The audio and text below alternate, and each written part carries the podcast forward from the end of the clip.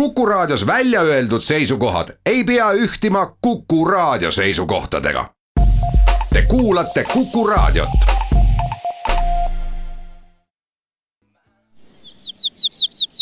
läbi Eesti. õiged rajad aitab leida matkasport. tere ja kena suvepäeva jätku, head kuulajad.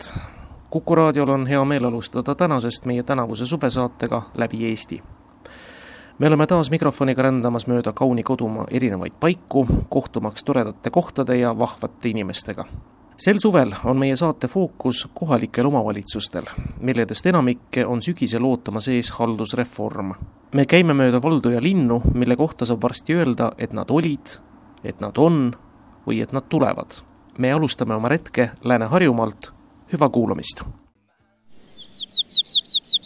läbi Eesti õiged rajad aitab leida matkasport. Läbi Eesti saade alustab tegelikult Tallinnast üldse mitte kaugelt, kui väga täpne olla, siis isegi Tallinna piiri pealt. me oleme mikrofoniga tulnud Laagri alevikku.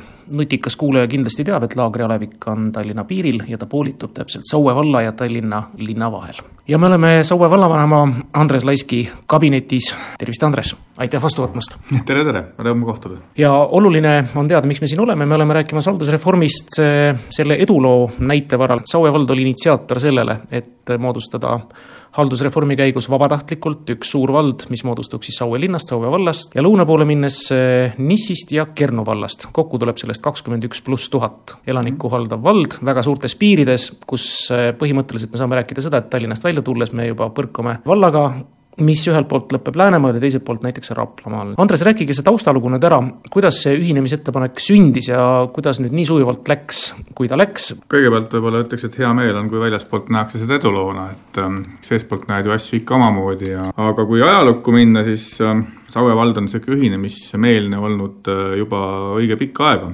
ja see ei olnud omal ajal äh, neli aastat tagasi sugugi esimene ühinemisettepanek, mis me tegime, vaid oleme ka varasemalt püüdnud naabreid äh, ühinemislaua taha meelitada, olles äh, siiralt seda usku, et Eesti omavalitsussüsteem on äh, jäänud natuke ajale jalgu ja see haldusreform, mis täna tehakse, oleks olnud äh, juba mõnda aega varem vaja ära teha. ja olles ka siis sealjuures arvamusel, et keegi peab ka eeskuju näitama kui veel korra täpsemaks minna, siis omal ajal tegelikult sai ettepanek tehtud ka Keila linnale ja Keila vallale selles viimases ühinemisprotsessis. Keila linn ütles kohe ei ja Keila vald alguses tuli meie ühinemisettepanekuga kaasa, aga küllaltki peatselt toimus seal juhtimises muutumine ja ja sellega ka siis suhtumine meie sellisesse visiooni suurest omavalitsusest Lääne-Harjumaal.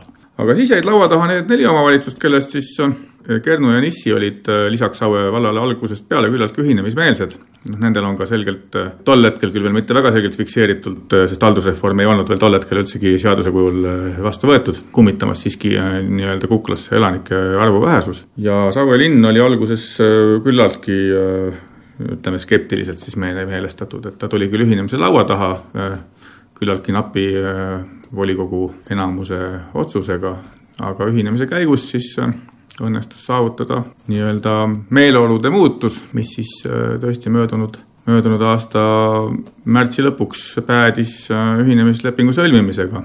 Me oleme saanud oma protsessi rahulikult läbi rääkida, arutada, teha analüüse ja pärast ühinemislepingu sõlmimist oleme me saanud ka tegeleda väga rahulikult nüüd üle, üleminekutegevustega.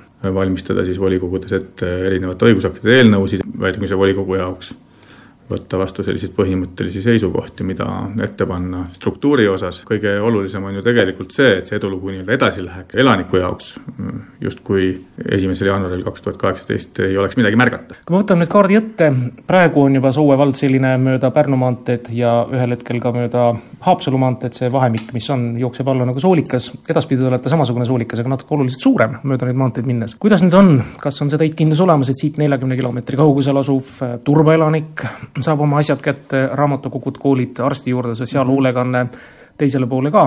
see vist on see praegu kõige suurem küsimusmärk või? transport? no tegelikult äh, minnes tagasi ühinemisläbirääkimiste selliste dilemmade ja meeleolude juurde, siis äh, ühelt poolt äh, kõlas loomulikult läbi see klassikaline hirm, et, et toimub ääremaastumine kaugematel aladel. samal ajal ja samavõrdselt võis kuulda ka hääli linna poole pealt, et kõik raha läheb linnast ära ja, ja, ja ääremaadele just nii et kokkuvõttes võisin ma retooriliselt küsida, et kuhu see raha siis lõpuks kaob, kui teda ei linna ega maale ei jagu. reaalsus on muidugi see, et, et nii-öelda tasakaalustatud ja mõistliku vallajuhtimise juures tulebki piirkondi arendada nii-öelda proportsionaalselt ja ja omavalitsuse roll pärast haldusreformi ongi muuhulgas tajuda ka seda, et nende ülesanne on teha ka regionaalpoliitikat ja tagada nii-öelda võrdsed võimalused eluks maal ja linnas. ja see on ka see mõte, miks mulle omal ajal meeldis rohkem see haldusreformi stsenaarium, kus räägiti tõmbekeskuste põhisest stsenaariumist.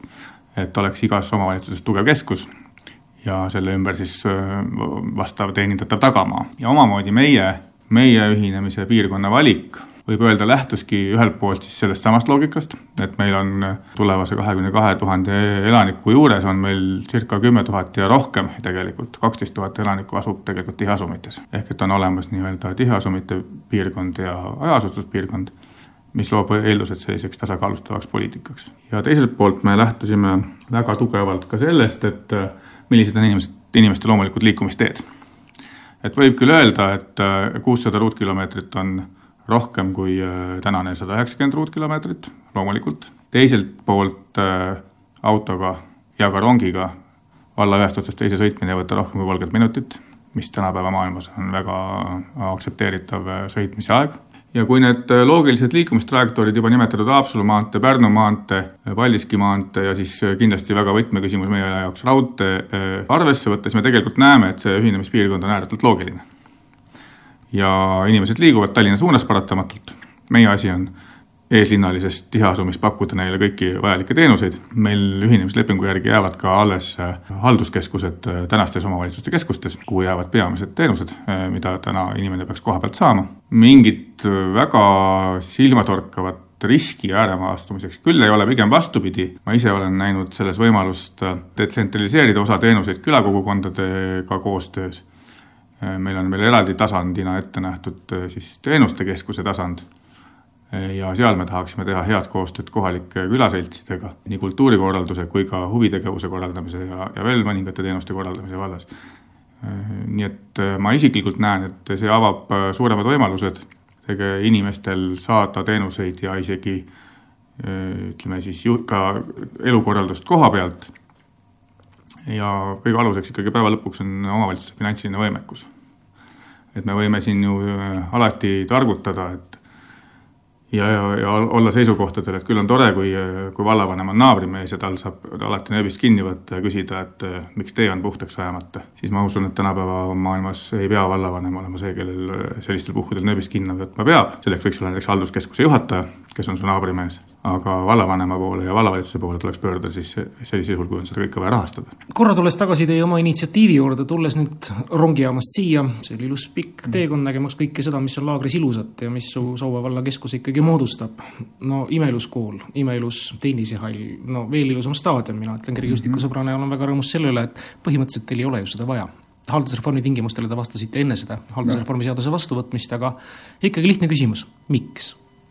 Äh, jah, see on õige, et äh, me oleks vastanud haldusreformi tingimustele ükskõik millistest võtmetest vaadates. Äh, sisuliselt on Saue vald täna edukas omavalitsus ja mittelinnalistest omavalitsustest kindlasti esiviisikus nii finantsiliselt kasvult kui ka vahepeal arutatud võimekuse indeksilt. täna aknast välja vaadates seda vaja ei oleks kui vaadata väga kitsalt Saue valla keskselt, aga me oleme siin alati vaadanud asju tunduvalt laiemalt, vaadanud seda, et mis, milline on eh, edu võti Eestil kahekümne aasta perspektiivis, mida me saame pakkuda teistele piirkondadele, mis on meie naabruses, mis saab neist siis, kui me ajame nii-öelda oma joru ja, ja jääme enda liistude juurde ja ei vaata laiemat pilti, siin peab eh, selles mõttes hindama seda olukorda väga kriitiliselt, et kui tänast haldusreformi on ette valmistatud kakskümmend viis aastat ja äh, erinevatel põhjustel ei ole suudetud seda läbi viima, siis kui me täna võtame vaate järgmiseks kahekümne viieks aastaks, siis tuleb endalt küsida, mis saab selleks ajaks omavalitsuses, kus täna on viis tuhat elanikku. suur tänu teile, Andres Laisk, selle jutuajamise eest ja ma usun, et põnevad ajad ootavad ees. kaks tuhat kaheksateist saab olema siis nii-öelda lakmuspaber ja pärast seda oleks nüüd huvitav jälle kohtuda ja vaadata, kuidas läks. jah, tere tulemast taas kord siis juba Suurde Saue valda läbi Eesti. õiged rajad aitab leida matkasport läbi Eesti saade on jõudnud nüüd mööda Pärnu maanteed edasi, me oleme jõudnud Keila linna, mis on kõigi nende haldusreformi arutelude, vaidluste parajas tulipunktis olnud ja väljunud ilmselt sellest kõigest võitjana, iseseisvana, nii nagu nad on, seda tahtnud nii linnavalitsuse volikogu kui ka loomulikult Keila elanike tahtel. me oleme Keila kiriku ees, istume vahval pargipingil tulihingelise Keila patrioodi Allar Viivikuga, kes üksiti ka ajakirjanik, tere Allar! tere tulemast Keilasse, Timo! aitäh, aga Allar, sina käisid ju ka Keila rahvahääletusel? käisin. ja sina hääletasid? vastu, liitmiste vastu, loomulikult mis oli sinu argument? no aga milleks on vaja kümne tuhande elanikuga hästi toime tulevat linna liita mm, suurvallaga, mina ei ole sellest aru saanudki. räägitakse küll headest, et suur on hea, aga ma ei ütleks, et suur alati hea on. kas sina oled siis pigemini nagu seda kartust, et Keila linnalt oleks läinud need olulised vahendid noh, nii-öelda ääremaastumise peatamiseks kõikidele äärmistele küladele kuni taha Pakrisse välja? noh, ma ei tea, kas nüüd seda, aga, aga lihtsalt noh, minu meelest Keila linna identiteet oleks hajunud, oleks hägustunud minu jaoks vähemalt küll. no võib-olla paljud nii ei mõtle. rääkides mõni aeg tagasi Keila linnapea Enno Felsiga, tema ütles, et Keilal see identiteet on sedavõrd tugev just sellise natuke mõnusa, natuke uimasena, toreda sellise linnana, millel ei olegi nagu arenguvisioonis antud väga suureks kasvada. et ta sellise paraja kümme tuhat või kolmteist tuhat elanikku omamisega ta ongi oma identiteedi saavutanud, ta on täpselt sellisena paras neile, kes armastavad siin elada ja tahama või ei taha, see on juba regionaalpoliitika, käivad linnas tööl. nii on, jah sa oled sedasama meelt või kuidas sina enda jaoks Keila linna mõtestad? tõesti minu jaoks väike, armas, võib-olla isegi natuke depressiivne, heas mõttes depressiivne, siin ei ole niisugust suurt action'it, siin ei ole müra väga palju, siin ei ole sellist ruttu. noh, Tallinnas, kus ma töötan, on ikkagi närvilisus, kiirus, müra ja, ja muud sellised asjad, aga siin on selline rahulik, natukene uimane võib-olla tõesti. ma olen rahul väga. sa oled äh, Harju Elu ajakirjanikuna kajastanud ka absoluutselt kõiki ilmselt võitlusi, vindumisi, poolt-vastuargumente. no kuidas sul tundub, mis selle haldusreformi juures, on teda ju põhimõtteliselt vaja, sa oled ise ka on. aru, aga, aga millisel kujul ja kas teda viiakse nüüd valitsusest ellu või mis sellega on? no ma ei oska öelda, noh, alguses öeldi ju, et on viis tuhat on piir, eks ole.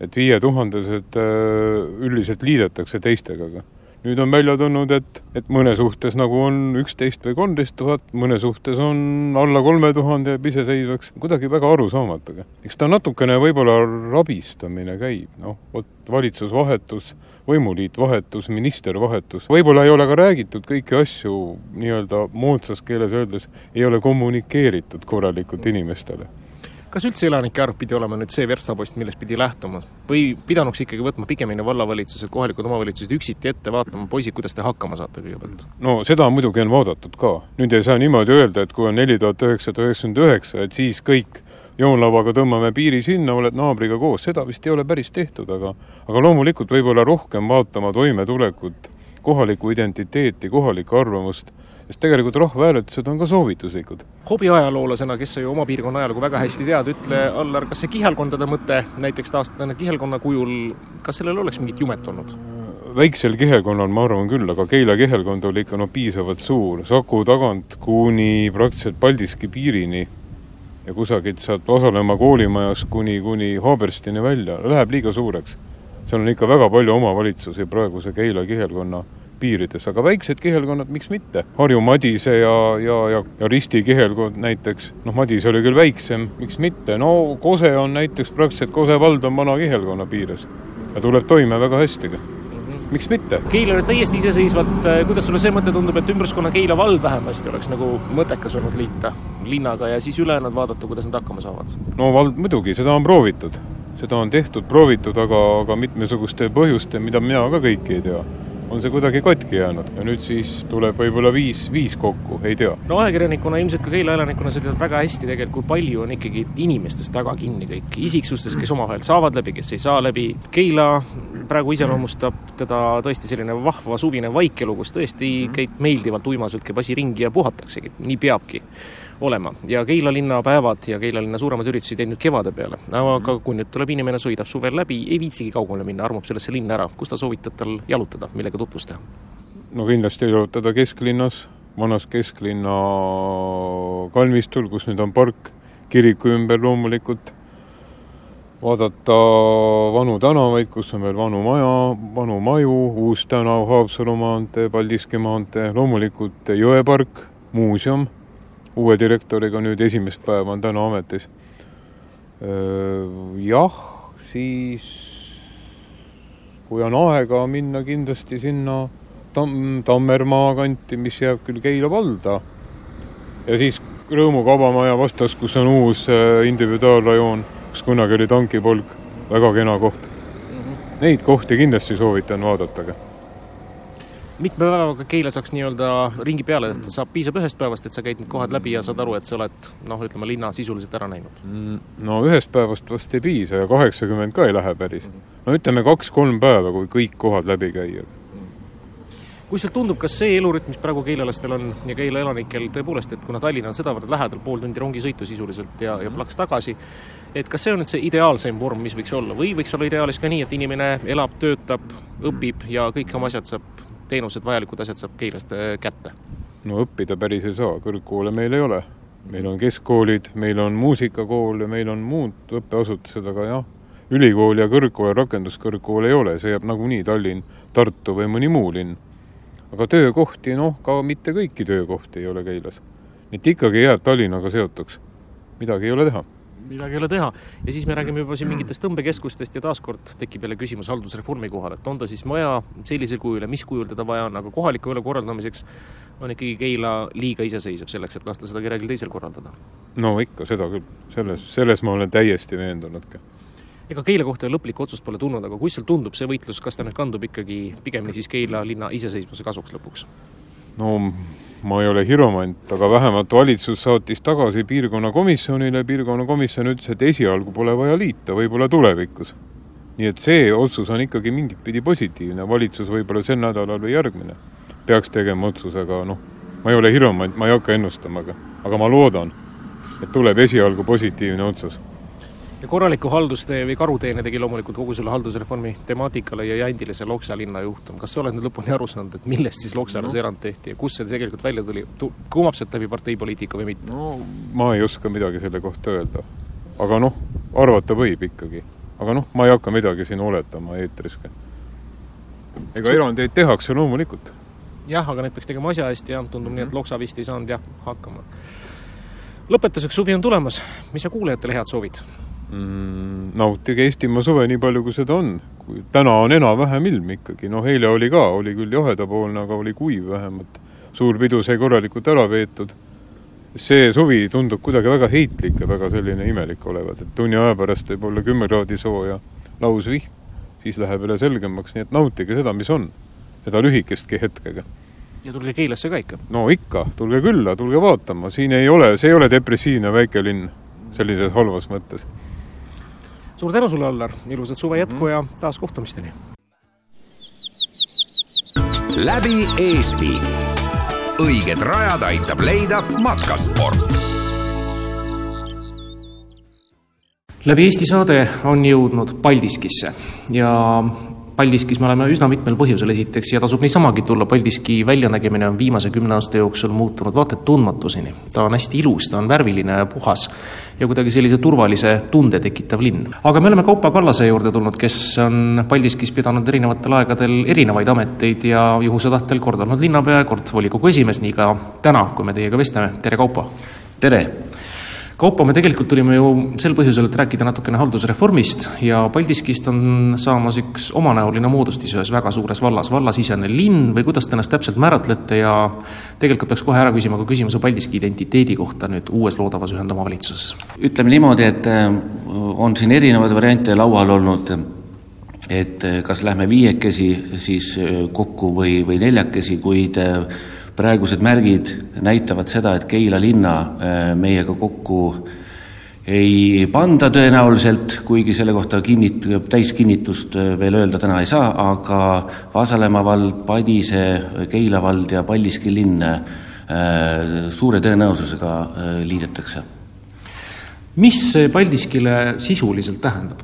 Jah, et eh, kuhu üldse keskus praegu jääb, et eh, see vallakeskus, uue loodava vallakeskus, eh, see ei ole veel päris kindel. loomulikult mina kui Paldiski inimesena tahaksin, et see jääks Paldiskisse, kuid äh, kuidas otsustavad nüüd teised omavalitsused, seda päris täpselt ei tea, kuid äh, lõpliku niisuguse otsustuse, kus hakkab keskus olema, seda otsustab siis nüüd uus oktoobri valimiste järgne volikogu nagu ma siin viite tegin, viimase kümne aasta peale see linn on tõesti väga palju muutunud, rääkimata nüüd viimasest kahekümnest aastast. kinnine, väga venekeelne sõjaväelinn, suhteliselt räämas, suhteliselt kehva nägemisega, kus suurema jao vaatamisväärsusest moodustas hiiglasuur Pentagon, on nüüd asendunud millegi muuga mida nüüd on Paldiski arengukava ette näinud, milliseks tahetakse nii-öelda identiteedi poolest muutuda välimuselt, eh, olemuselt, kas pigem selliseks kuurot linnaks, eh, Tallinna eeslinnaks, kust on hea tööle käia või, või mis see teie plaan on? no plaan on selline, et eh, kui lugeda nüüd linna arengukavaga, siis Paldiski peab olema niisugune multikultuurne linn, kus siis peab ära mahtuma nii tööstus, sadam kui ka elanikkond kuigi mul on kahju sellest, et äh, üheksakümne neljandal aastal, kui linn äh, sai nagu Eesti linnaks tagasi, et äh, siis koheselt ei võetud ette seda, et Leetse poole oleks viidud elav, elamupiirkond üle ja siis siia oleks jäänud nagu siis tööstuspiirkond. kuid praegu on juba selle peale nagu hilja selles mõttes mõelda, et et palju on tehtud, korteriühistud on teinud palju investeeringuid ja, ja nüüd juba öelda, et nüüd oleks vaja kolida Leedsesse, noh, see oleks vastuvõetamatu ja mõeldamatu tänasel päeval räägime haldusreformi kulust ka siis Paldiski linnale. kui nüüd eh, see selgeks sai, et Paldiskil ilmselt liituda tuleb, sest viit tuhandet elanikku ei mänginud kuskilt välja, eh, mis rollis teie olite, kui palju te nüüd ise saite initsiatiivi hoida, kui palju te saite oma agendat uude omavalitsusse ja läbirääkimistesse sisse suruda ja mis see täpselt oli, mis te tahtsite, et kindlasti sees oleks? tegelikult meie soov oli see, et Paldiski võiks jääda keskuseks, et ta on ikkagi kõige suurem tiheasustuskeskus kuid eh, siin mängib oma rolli eh, kindlasti see, et, et Paldiski ei ole nagu eh, läbisõidul olev selline keskus, vaid siia peab nagu spetsiaalselt sõitma, et edasi on ainult meri, eks ole. see võib saada muidugi määravaks sellele, et, et keskust võib-olla ikkagi Paldiskisse ei tule, kuigi me nii väga seda tahaksime aga mingisugused äh, muud olulisemad teemad lisaks keskusele, mingisugused investeeringud, mida Paldiski kindlasti tahaks nagu uuest omavalitsusest saada, oma elanikele mõeldes, linnaelanikele? no ütleme, et äh, kui nüüd toimub suur äh, ühinemine, siis niikuinii vaadatakse uue loodud volikogu vaatab juba üle selle uued arengukavad ja, ja juba vastavalt sellele toimuvad seal siis arengud ja arengukava muutmised. noh, karta on seda, et ääremaastumine on ju Eestis olnud äh, kogu aeg probleemiks ja, ja niisugune noh, mitte otseselt kartus, aga, aga noh, teada on ka see, et, et ega siis äh, kui keskus tuleb näiteks Keilasse, et, et ka Paldiskisse võib-olla nii palju sellist äh, tähelepanu enam ei tule, kui oli, kui me olime noh, iseseisvad olles nüüd sellise väikelinna juhtimise juures üsna pikka aega olnud, öelge, haldusreformi on sellisel kujul vaja? kas Paldiski on ka selle järgi vajadust tundnud ja näinud, et suuremana on parem toimetada ja, ja sedagi, et ütleme, maapiirkondades oleksid teenused paremini kättesaadavad ja nii edasi? no ütleme niimoodi, et tegelikult minu isiklik arvamus on selline, et, et haldusreformi alustati natuke valesti, kõigepealt millegipärast seda riigireformi alustati üldse altpoolt, oleks pidanud alustama ülevalt poolt. see on minu isiklik hinnang ja seda haldusreformi seadust äh, minu hinnangul äh, viidi läbi kiirustades, sellepärast et äh, tõsiseid kriteeriume seal sees ei olnud. peale selle, et viis tuhat elanikku peab olema ja, ja see oli peaaegu et kõik, eks ole.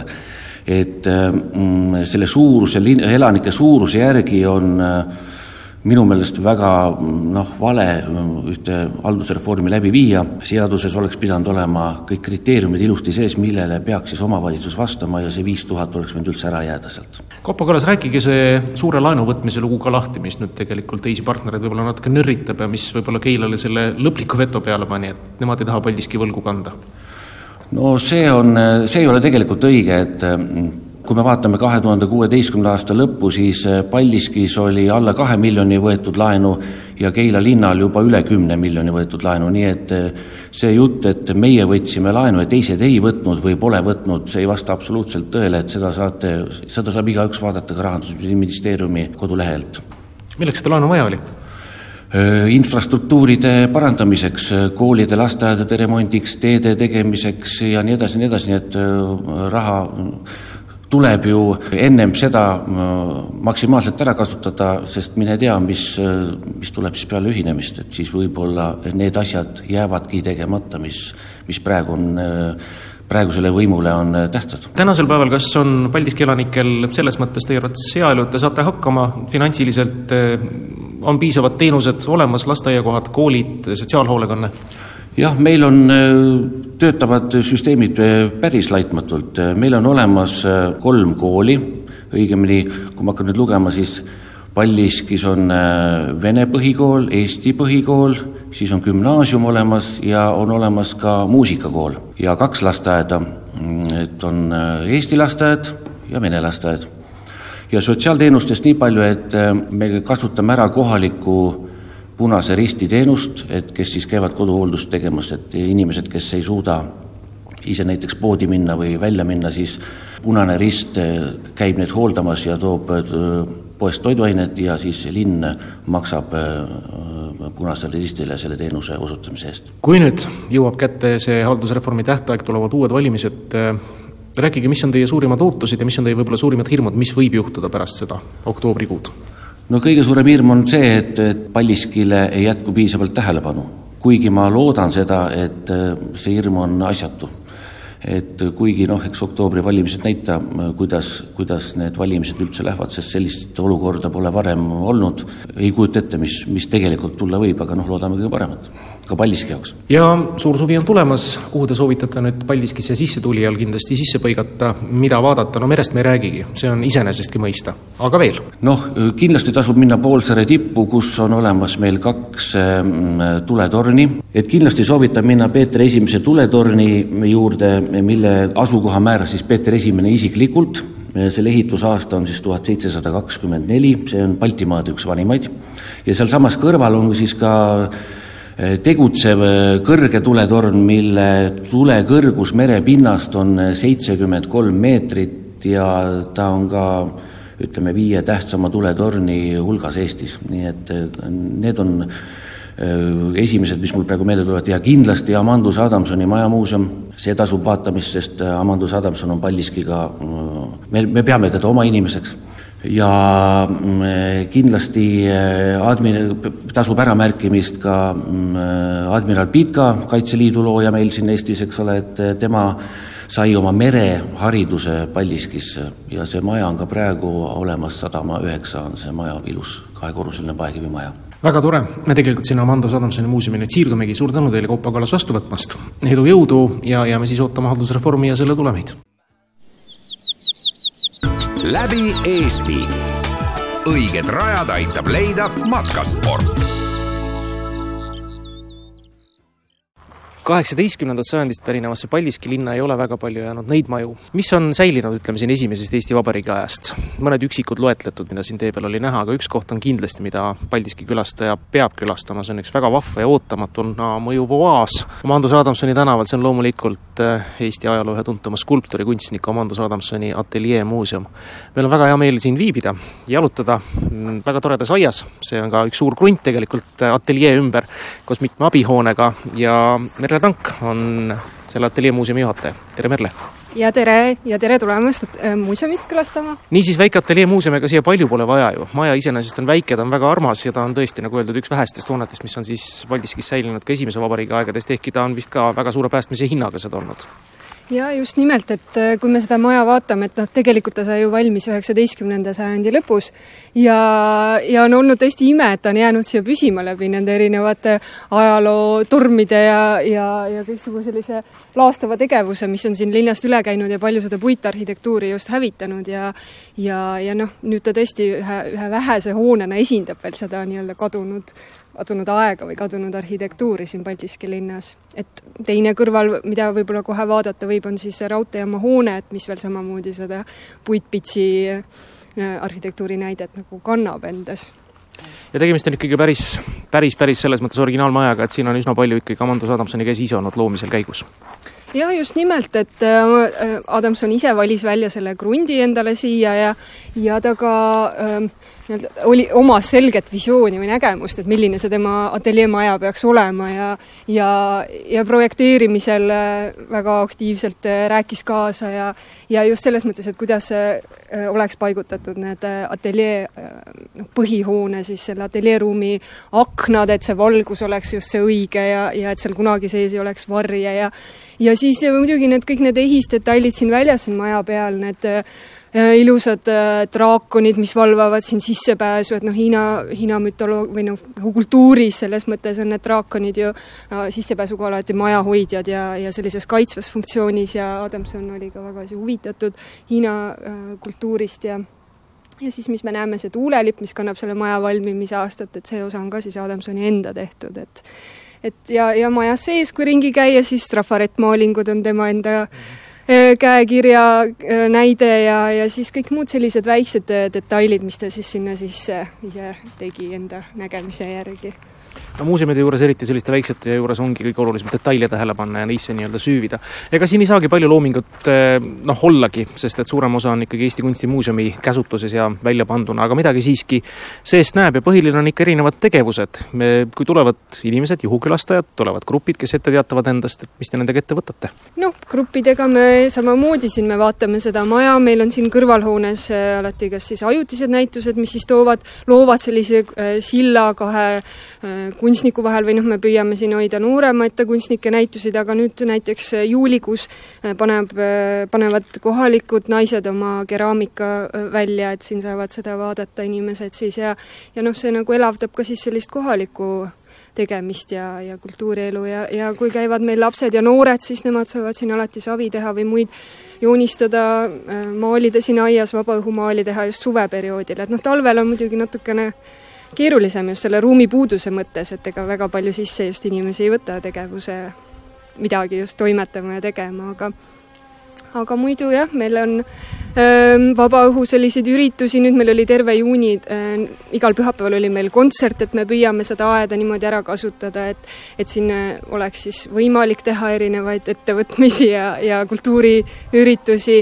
Ja noh, nüüd juulis me teeme linna, noh, Paldiski linnapäeva raames tahame siin teha sellise linnaloodust tutvustava ajutise väljapaneku, et et vaadata, noh, meil endal siin aias on võib-olla palju erinevaid puuliike ja põõsaliike ja muid taimi, et et need kõik niimoodi ära sildistada ja kaardistada ja selle abil näidata, et mis siis üldse eh, meil siin linnas meiega koos elab ja, ja kasvab ja, ja toimetab, et ja noh, Paldiski ise on üsna roheline linn tegelikult, kui ringi käia ja ja noh, ma usun, et see nagu haagib sellega ja lisaks siis me tahame teha sellise kohvikupäeva ka veel selle linnapäeva raames, et siis samamoodi siin aias oleks nagu kõigil mõnus ja õdus olla. ja see oli väga huvitav, et te mainisite, et, et äh, see meie äh, muuseum või see aed on justkui siin oaas keset Paldiski linna, ja just nimelt, ja seda ütlevad meile väga paljud külastajad, kes tulevad, et ohoo, et et justkui nagu ei osaks oodata, et selline ilus roheline oaas on ja, ja kõik alati räägivad, kui, kuivõrd hea aura siin on, et et selline justkui nagu tuled siia ja, ja hetkeks nagu aeg peatub, et sa oled siin selle suure võimsa lehise all, mis on siin sama vana kui see maja, seda Adamson istutas selle just peale maja valmimist või noh, selle suveateljee valmimist ja mis on justkui siis kasvanud koos selle selle ajaga siin ja, ja, ja, ja justkui siis on selline ka kinnismärk, et, et, et noh, midagi niivõrd võimast ja või võib nagu seisma jääda ja püsida ja ja, ja paljud inimesed jah, räägivad just seda, kuivõrd siin nagu justkui saab äh, ennast äh, kõigest välja lülitada ja, ja, ja siis jälle edasi minna, et selles mõttes on see, see jah, õige tähelepanek, et mina igapäevaselt siin olles vahel võib-olla kipun seda unustama, just seda oaasi ja seda erilise aura tunned või siis on see just võib-olla ongi niivõrd saanud igapäeva osaks mm. -hmm. no ei no kui te siin tegevusi, nagu te loetlesite, niivõrd palju võtate organiseerida, siis on selge, et kipub see möödanik ära minema, aga aia sügavusse vaadates jah, me oleme praegu siin Kibuvitsa põõsa kõrval, väga tore, et te seda lehist mainisite, lehisest tahtsin ka kohe eraldi rääkida, esiteks, et lehis üleüldse meie kliimas või kuidagi mõjub ootamatuna, Siberis vast mitte. Eestis teda ikka nii palju ei näe, ta on ikka päris võimas ja me saime teada, et lehis võib ka saja aastaga väga jämedaks kasvada.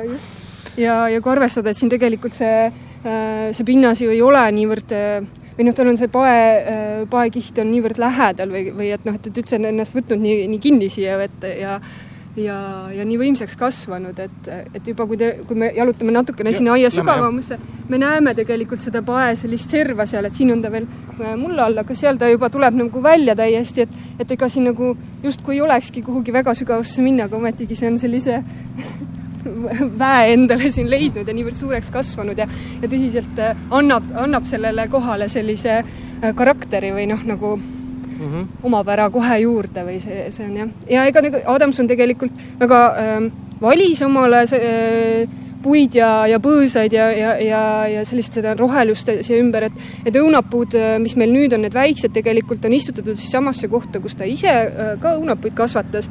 Ja need ta tõi endale Prantsusmaalt kaasa, et ta valis välja mingid sordid, mis, mis talle olid meelepärased ja ja muidugi need kibuvitsad, äh, need on äh, kõige otsesem viide äh, Pakri poolsaarel noh, levivale sellele kibuvitsa sellisele võsale, mis, mis annab jälle selle aroomi ja tekstuuri sellele kohale ja paigale ja ja kuna ta ise ju sündis seal paekaldal mere ääres, siis see on nagu justkui tema selline eluliselt olemuslik taim või noh, tema eluga kogu aeg kaasas käinud ja, ja olnud, et et noh, et eks ta niimoodi neid liike siia valis ja, ja seda vaba aeda ka kujundas ja noh, ja meie oleme püüdnud ka nüüd seda hoida siin niimoodi pooleldi nagu ta on tagantpoolt sihuke mõnusalt metsistunud ka ja, natuke. et me seda vaarikat siin hoiame niimoodi, et, et see annab ka jälle mõnus, et kui vaarikad valmis saavad, külastajad tulevad, lapsed korjavad neid siin, et noh, et me ei, me ei keela seda kellelegi, et, et ei, et sa ei või neid nüüd siin süüa, aga see on alati kõigile vabalt siin võtta ja, ja noh, on niisugune mõnus, et ei pea alati olema kõik nii